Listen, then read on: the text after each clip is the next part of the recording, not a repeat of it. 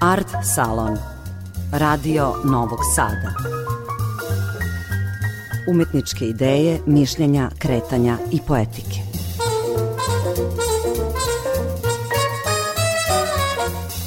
Dobroveče. Ja sam Tatjana Novčić-Matijević, počinje Art Salon, emisija Radio Novog Sada o umetničkim idejama i praksama. Fokus večerašnjeg izdanja pomeren je ka promišljanju sveukupnog okruženja u kojem živimo, stvaramo, radujemo se, patimo, sanjamo. Historiografija nije ništa drugo, već narativno osmišljavanje stvarnosti ili osmišljavanje prošle stvarnosti posredstvom pripovedanja. Da li je to mana historiografije? Ne, to je upravo njena vrlina koja je neću pretrati, ako kažem, nasušna potreba svakog čoveka da osmisli sobstvenu prolaznu egzistenciju. Večerašnji sagovornik je istoričar Mihajl Antolović, profesor Pedagoškog fakulteta u Somboru, ovoga puta prevashodno kao priređivač i jedan od prevodilaca kapitalne publikacije Preobražaj sveta, globalna istorija 19. veka, nemačkog autora Jirgena Osterhamela u izdanju Novosadske akademske knjige. Ne samo što govorimo o kapitalnom izdanju, mi, iako je reč o istorijskoj publikaciji, mi govorimo i o bestselleru. Dakle, izlazimo iz domena stručne literature. Kako ste uopšte došli do knjige i kako ste došli na ideju da, da to vi prevedete u srpsku kulturu? Pa vidite, ideja o prevođenju ove knjige na srpski jezik javila se još 2015. godine kada sam kupio tu knjigu. Naime, uočio sam da je to jedan da je, da je upreko svome neverovatnom obimu od preko hiljadu strana ona postala bestseller i doživjela preko pet ili šest izdanja samo na nemačkom jeziku da bi potom bila prevedena na većinu e, svetskih jezika. I dakle, sad prije pitanje koje samo po sebi nameće jeste kako to da je jedna tako voluminozna, odnosno obimna knjiga postala e, bestseller. Nju de facto ne čitaju samo istoričari. Čovjek je slučaj da je po svoj prilici puno više čitaju obrazovani ljudi najrazličitijih profila i u toj činjenici se verovatno krije odgovor na vaše pitanje. Ona je vrlo komunikativna po svojoj prirodi, njena struktura je odlična, ne zahteva od čitaoca da čita knjigu od početka do kraja, već može da izabere jedno od poglavlja po vlastitom ukusu, a koje su svaka strogo problemski, odnosno tematski organizovana i, pr i pružuje jedan jezgrovit, pametan, teorijski, vrlo čvrsto utemeljen, samorefleksivan, interdisciplinaran pristup određenom problemu u globalnom prostornom kontekstu. Hoćete da kažete da ova knjiga odstupa od onog uobičajenog? Mi smo navikli da kada govorimo o istoriji 19. veka, to je industrijska revolucija, to je Evropa i ostali deo sveta. E, šta se dešava kako su stvari objašnjene u ovoj knjizi? Autorov pristup je potpunosti nov. To je pristup koji se, i on sam naziva pristupom globalne istorije. To bi bio pristup koji je nastao neposredno pod uticajem globalizacije, čiji smo svedoci tokom prethodne tri decenije, i za globalizovani svet javila se i jedna nova historiografska vrsta ili jedan nova historiografski žanr ili subdisciplina, globalna ili svetska istorija. Autor ove knjige, profesor Oster Hamel, je upravo jedan od najvećih svetskih zastupnik, predstavnika ovog pravca, uticana pravca u savremenoj historiografiji, koji odlikuje e, niz inovativnih pristupa. Pomenuli ste istorije na koje smo mi navikli. Prvo, autorov pristup niti je ograničen na istoriju jedne države. Klasičan pristup u svim evropskim pa i vana evropskim historiografijama jeste bilo da se istražuje istorija unutar granice nacionalne države. Dakle, to nije slučaj u ovoj knjizi. Druga stvar, za ogromnu većinu istoričara je nešto samo po sebi podrazumevajuće bilo da su bili usredsređeni na Evropu. Dakle, evropocentrizam je bio praktično skoro 200 godina odlika pisanje istorije u Evrop, na evropskom kulturnom prostoru. Dakle, šta nudi novo Osterhamel? Osterhamel nudi jednu izuzetno široku prostornu perspektivu koja pokušava da uključi čitav svet. Međutim, da bi se tako nešto uradilo, ova knjiga zahteva, odnosno autor je bio prinuđen da izvrši jednu inteligentnu selekciju, ograničivši svoje, svoje analize na nekoliko nosećih problema, od kojih su samo neke. Demografska struktura, demografska pomeranja, ekonomske strukture i njihove promene tokom ovog razdoblja, migracije, industrializacija, urbanizacija, odnosi između velikih sila dovodi zatim u pitanje uvreženo, uvreženo shvatanje u 19. veku kao stoleću nacije, nacionalizma. On zapravo argumentovano pokazuje da je to vreme zapravo obeleženo veoma snažnim imperijama i da će vreme nacionalizma da nastupi tek docnije, zatim analizira odnose između velikih sila, karakter sukoba u 19. veku, zatim revolucije od onih iz druge polovine 18. veka pa sve do e, oktobarske revolucije početkom 20. veka. Kada smo kod toga, pada u oči da su hronološki okviri Osterhamelovog 19. veka umnogome širi od uobičajenog stoleća koje počinje 1801. a završava se 1900. godine. Iako u istoriografiji još od Erika Hobsbauma, znači unazad praktično 40 godina, postoji već uvrežena ta koncepcija u dugom 19. veku. Na čijem početku stoje industrijska i, i dve političke revolucije, dakle mislim na američku i veliku francusku, a koji se završava požarom velikog svetskog sukoba u koji je Evropa, a zatim i svet gurnuta 1914. godine. Oster Hamel na tragu ove ideje, ali i brojnih inovativnih istraživanja koje su nastala tokom 90. godina i na prelazu milenijama, još više širi granice ovog 19. veka kako bi obuhvatio u strukturalnom procesu sve one ekonomske, ne samo ekonomske, već ekonomske, društvene, političke, idejne i kulturološke procese koji ovu epohu sjedinjavaju jednu koherentnu i logički zaokruženu celinu. Tako on, sledeći na primjer jednog od najistaknutijih e, nemačkih istoričara 20. veka Reinharda Kozeleka, početak ovog razdoblja postavlja negde na sredinu 18. veka, tamo negde oko 1750. godine, da bi nastojeći opet da obuhvati čitavu planetu, svoj 19. vek okončao razdobljem dekolonizacije nakon drugog svjetskog rata. Jer on, da. jer on lepo kaže, zašto bi godine 1789. God, značila bilo šta za narode u Aziji, na Pacifiku ili u novo otkrivenom Novom Zelandu ili Australiji? Jedno potpuno novo kvalitetno računanje vremena zapravo. Tačno. I ja sad kada vas slušam imam osjećaj da je i ova knjiga u mnogo čemu revolucionarna u odnosu na pređašnje ili bar ono na što smo mi naviknuti kada je reč o istoriografiji. Vama stručnjacima je ona verovatno dragocena, ali šta nama govori o svetu u kojem danas živimo? Koliko je moguće u toj knjizi naći eventualno odgovora za ono što jeste sad već treća decenija 21. veka? Prvo ću da se vratim na, na ovo prethodno pitanje. Naime, e, o nivou autorove samorefleksivnosti govori i činjenica da je on čitavo drugo poglavlje, dakle nekih 40 strana, e, svoga teksta posvetio pokušaju odgovora na pitanje kada je bio 19. vek. I on tu lepo istrpno analizira e, sve moguće razloge za i protiv svih do sada prihvaćenih uvreženih periodizacija, argumentuje zašto je ova za koju se on opredelio, ona koja se njemu čini, i to naglašava, naglašava čini, dakle ne isključuje brojne druge e, pristupe, čini najodgovar, e, kao najodgovarajuće. Druga osobena odlika Ostrahamelovog pristupa koje je njegovo delo, dakle, pored bogatstva, beskrajnog bogatstva sadržaja, interdisciplinarnosti, transdisciplinarnosti, komparativnog pristupa. I mimo svega toga ono zbog čega treba Osterhamela čitati, zato što on pruža jedan zaista inovativan i inteligentan pogled na 19. stoleće i, i to treba takođe naglasiti, o njemu je strana svaka vrsta apodiktičnosti. On u predgovoru svojoj knjizi kaže da je, da je ova njegova globalna istorija 19. veka tek samo jedan od mogućih i vrlo subjektivnih pogleda, kao što je uostalom i svako istoriografsko delo uvek subjektivno, od toga ne treba bežati. Dakle, ovo je jedno od brojnih drugih mogućih tumačenja 19. stoleća. Da li tu dovodi pitanje objektivnosti njegovog zaključivanja? Ne, naprotiv. Kao što je rekao takođe jedan nemački još uvek živi istoričar, koji se zove Jeren Riesen, zadatak istoriografije u svakom vremenu jeste da savremenicima ponudi e, jedan pokušaj osmišljavanja prošlog sveta, a tako sveti u kome žive. Drugim rečima, istoriografija nije ništa drugo, već narativno osmišljavanje stvarnosti ili osmišljavanje prošle stvarnosti posredstvom pripovedanja. Da li je to mana istoriografije? Ne, to je upravo njena vrlina koja je, neću pretrati, ako kažem, nasušna potreba svakog čoveka da osmisli sobstvenu prolaznu egzistenciju. Upravo u tom smislu treba razumeti i značaj Ostrehamelovog dela, dakle, ono nije namenjeno isključivo uskom krugu stručnjaka, mada će, i to moram nepretencijozno da kažem, mada će se i stručnjaci pomučiti sa time da savladaju ovakvu količinu inovativnog pristupa koji se temelji na, ne samo na rezultatima istoriografije, već i brojnih drugih društvenih istorija više ili manje bliskih nauka.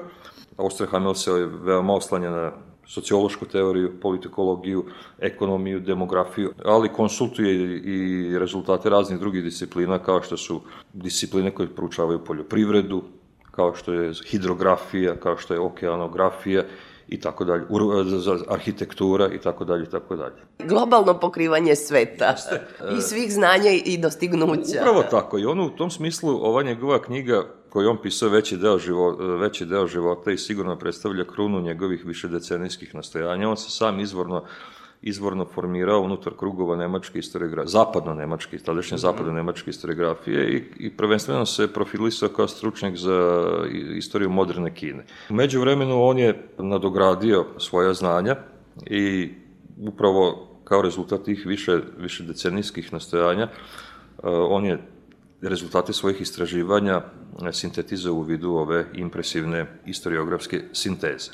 I sad opet moram da vas vratim na moje pitanje šta nama autor govori danas. Stalno govorimo, živimo u doba globalizma. Manje ili više znamo šta taj globalizam stvarno jeste, a više imamo te narative opšteg tipa koji funkcionišu u javnosti bez baš mnogo velikog pokrića u činjenicama. Da li iz ove knjige dobijamo objašnjenja zašto je ovaj svet danas takav kakav jeste? Da, dobijamo, čitajući Ostra Hamela, postoje puno jasnije ono što se događa u savremenom svetu.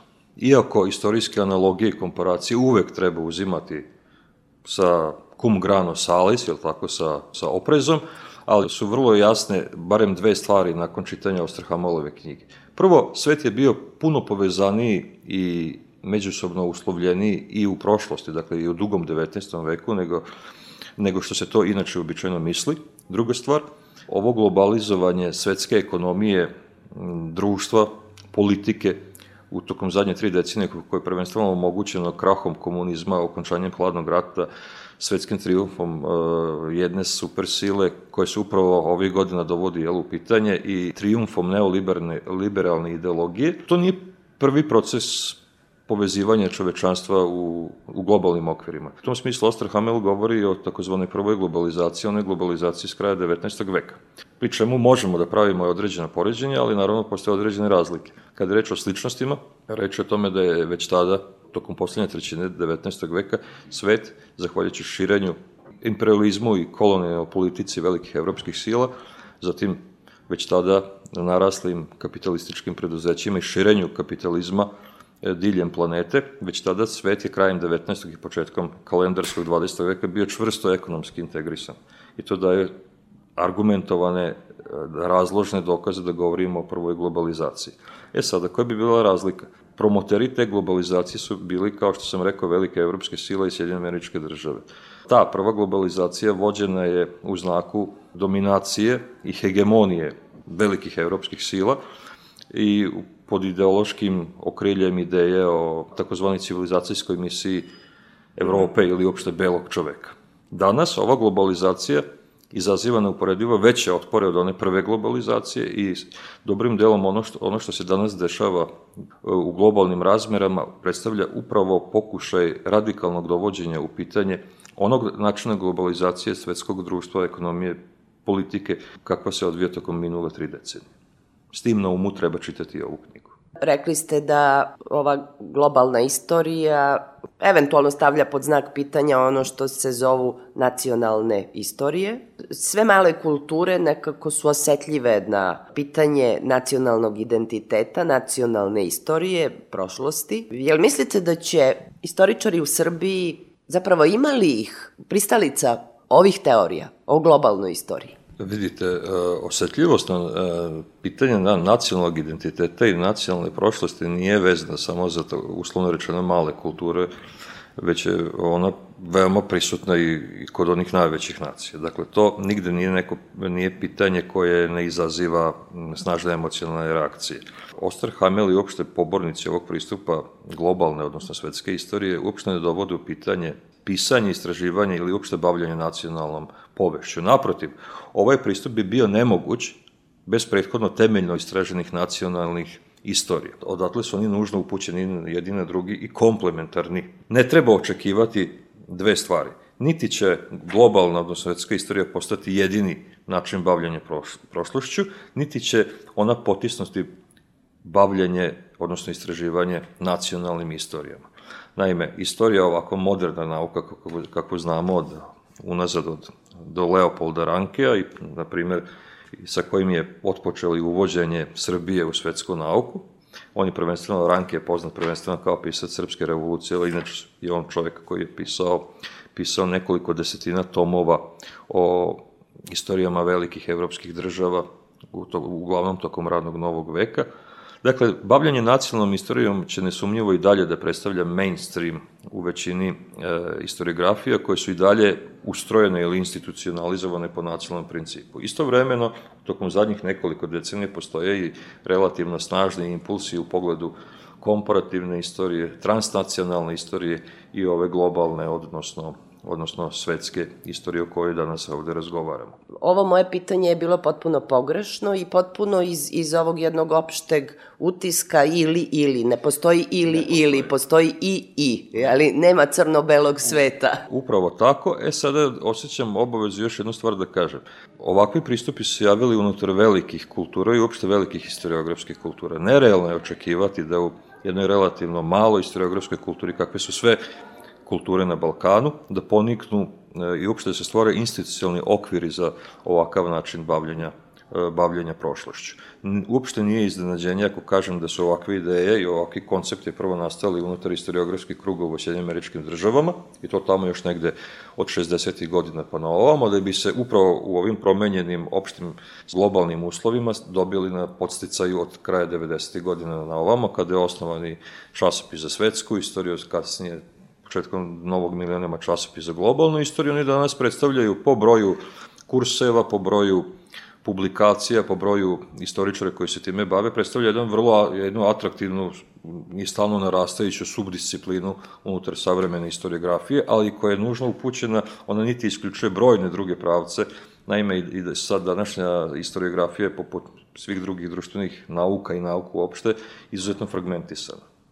Mi danas, pitanje da li mi uopšte možemo da govorimo o jednoj, jednoj istorijskoj nauci, jer nju odlikuje mnoštvo ponekad komplementarnih, ponekad suprostavljenih pristupa, ali to u osnovom odlikuje i teoriju književnosti i druge humanističke i društvene nauke. U ostalom i živimo u takvom svetu disperzivnom, pluralističkom, pluralističkom da.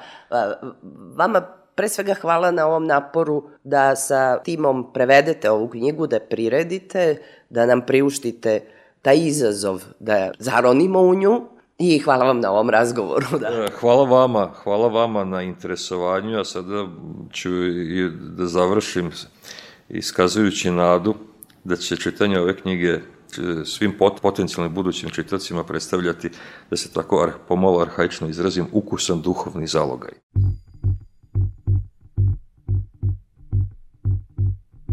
My heart, my head, my mind, my soul, my feelings over you, my tears, my touch. Remember all that I am to you. My heart, my mind, my soul, my feelings over you, my tears, my touch. Remember all that I am. When you gonna pick up the phone and call me? Tell me I can come over. I got my ticket and my bags are packed. My coat is hanging over my shoulder. Time is passing and it's getting late. This heart of mine just can't wait. After all that we've been through, I made a gift, I wanna give it to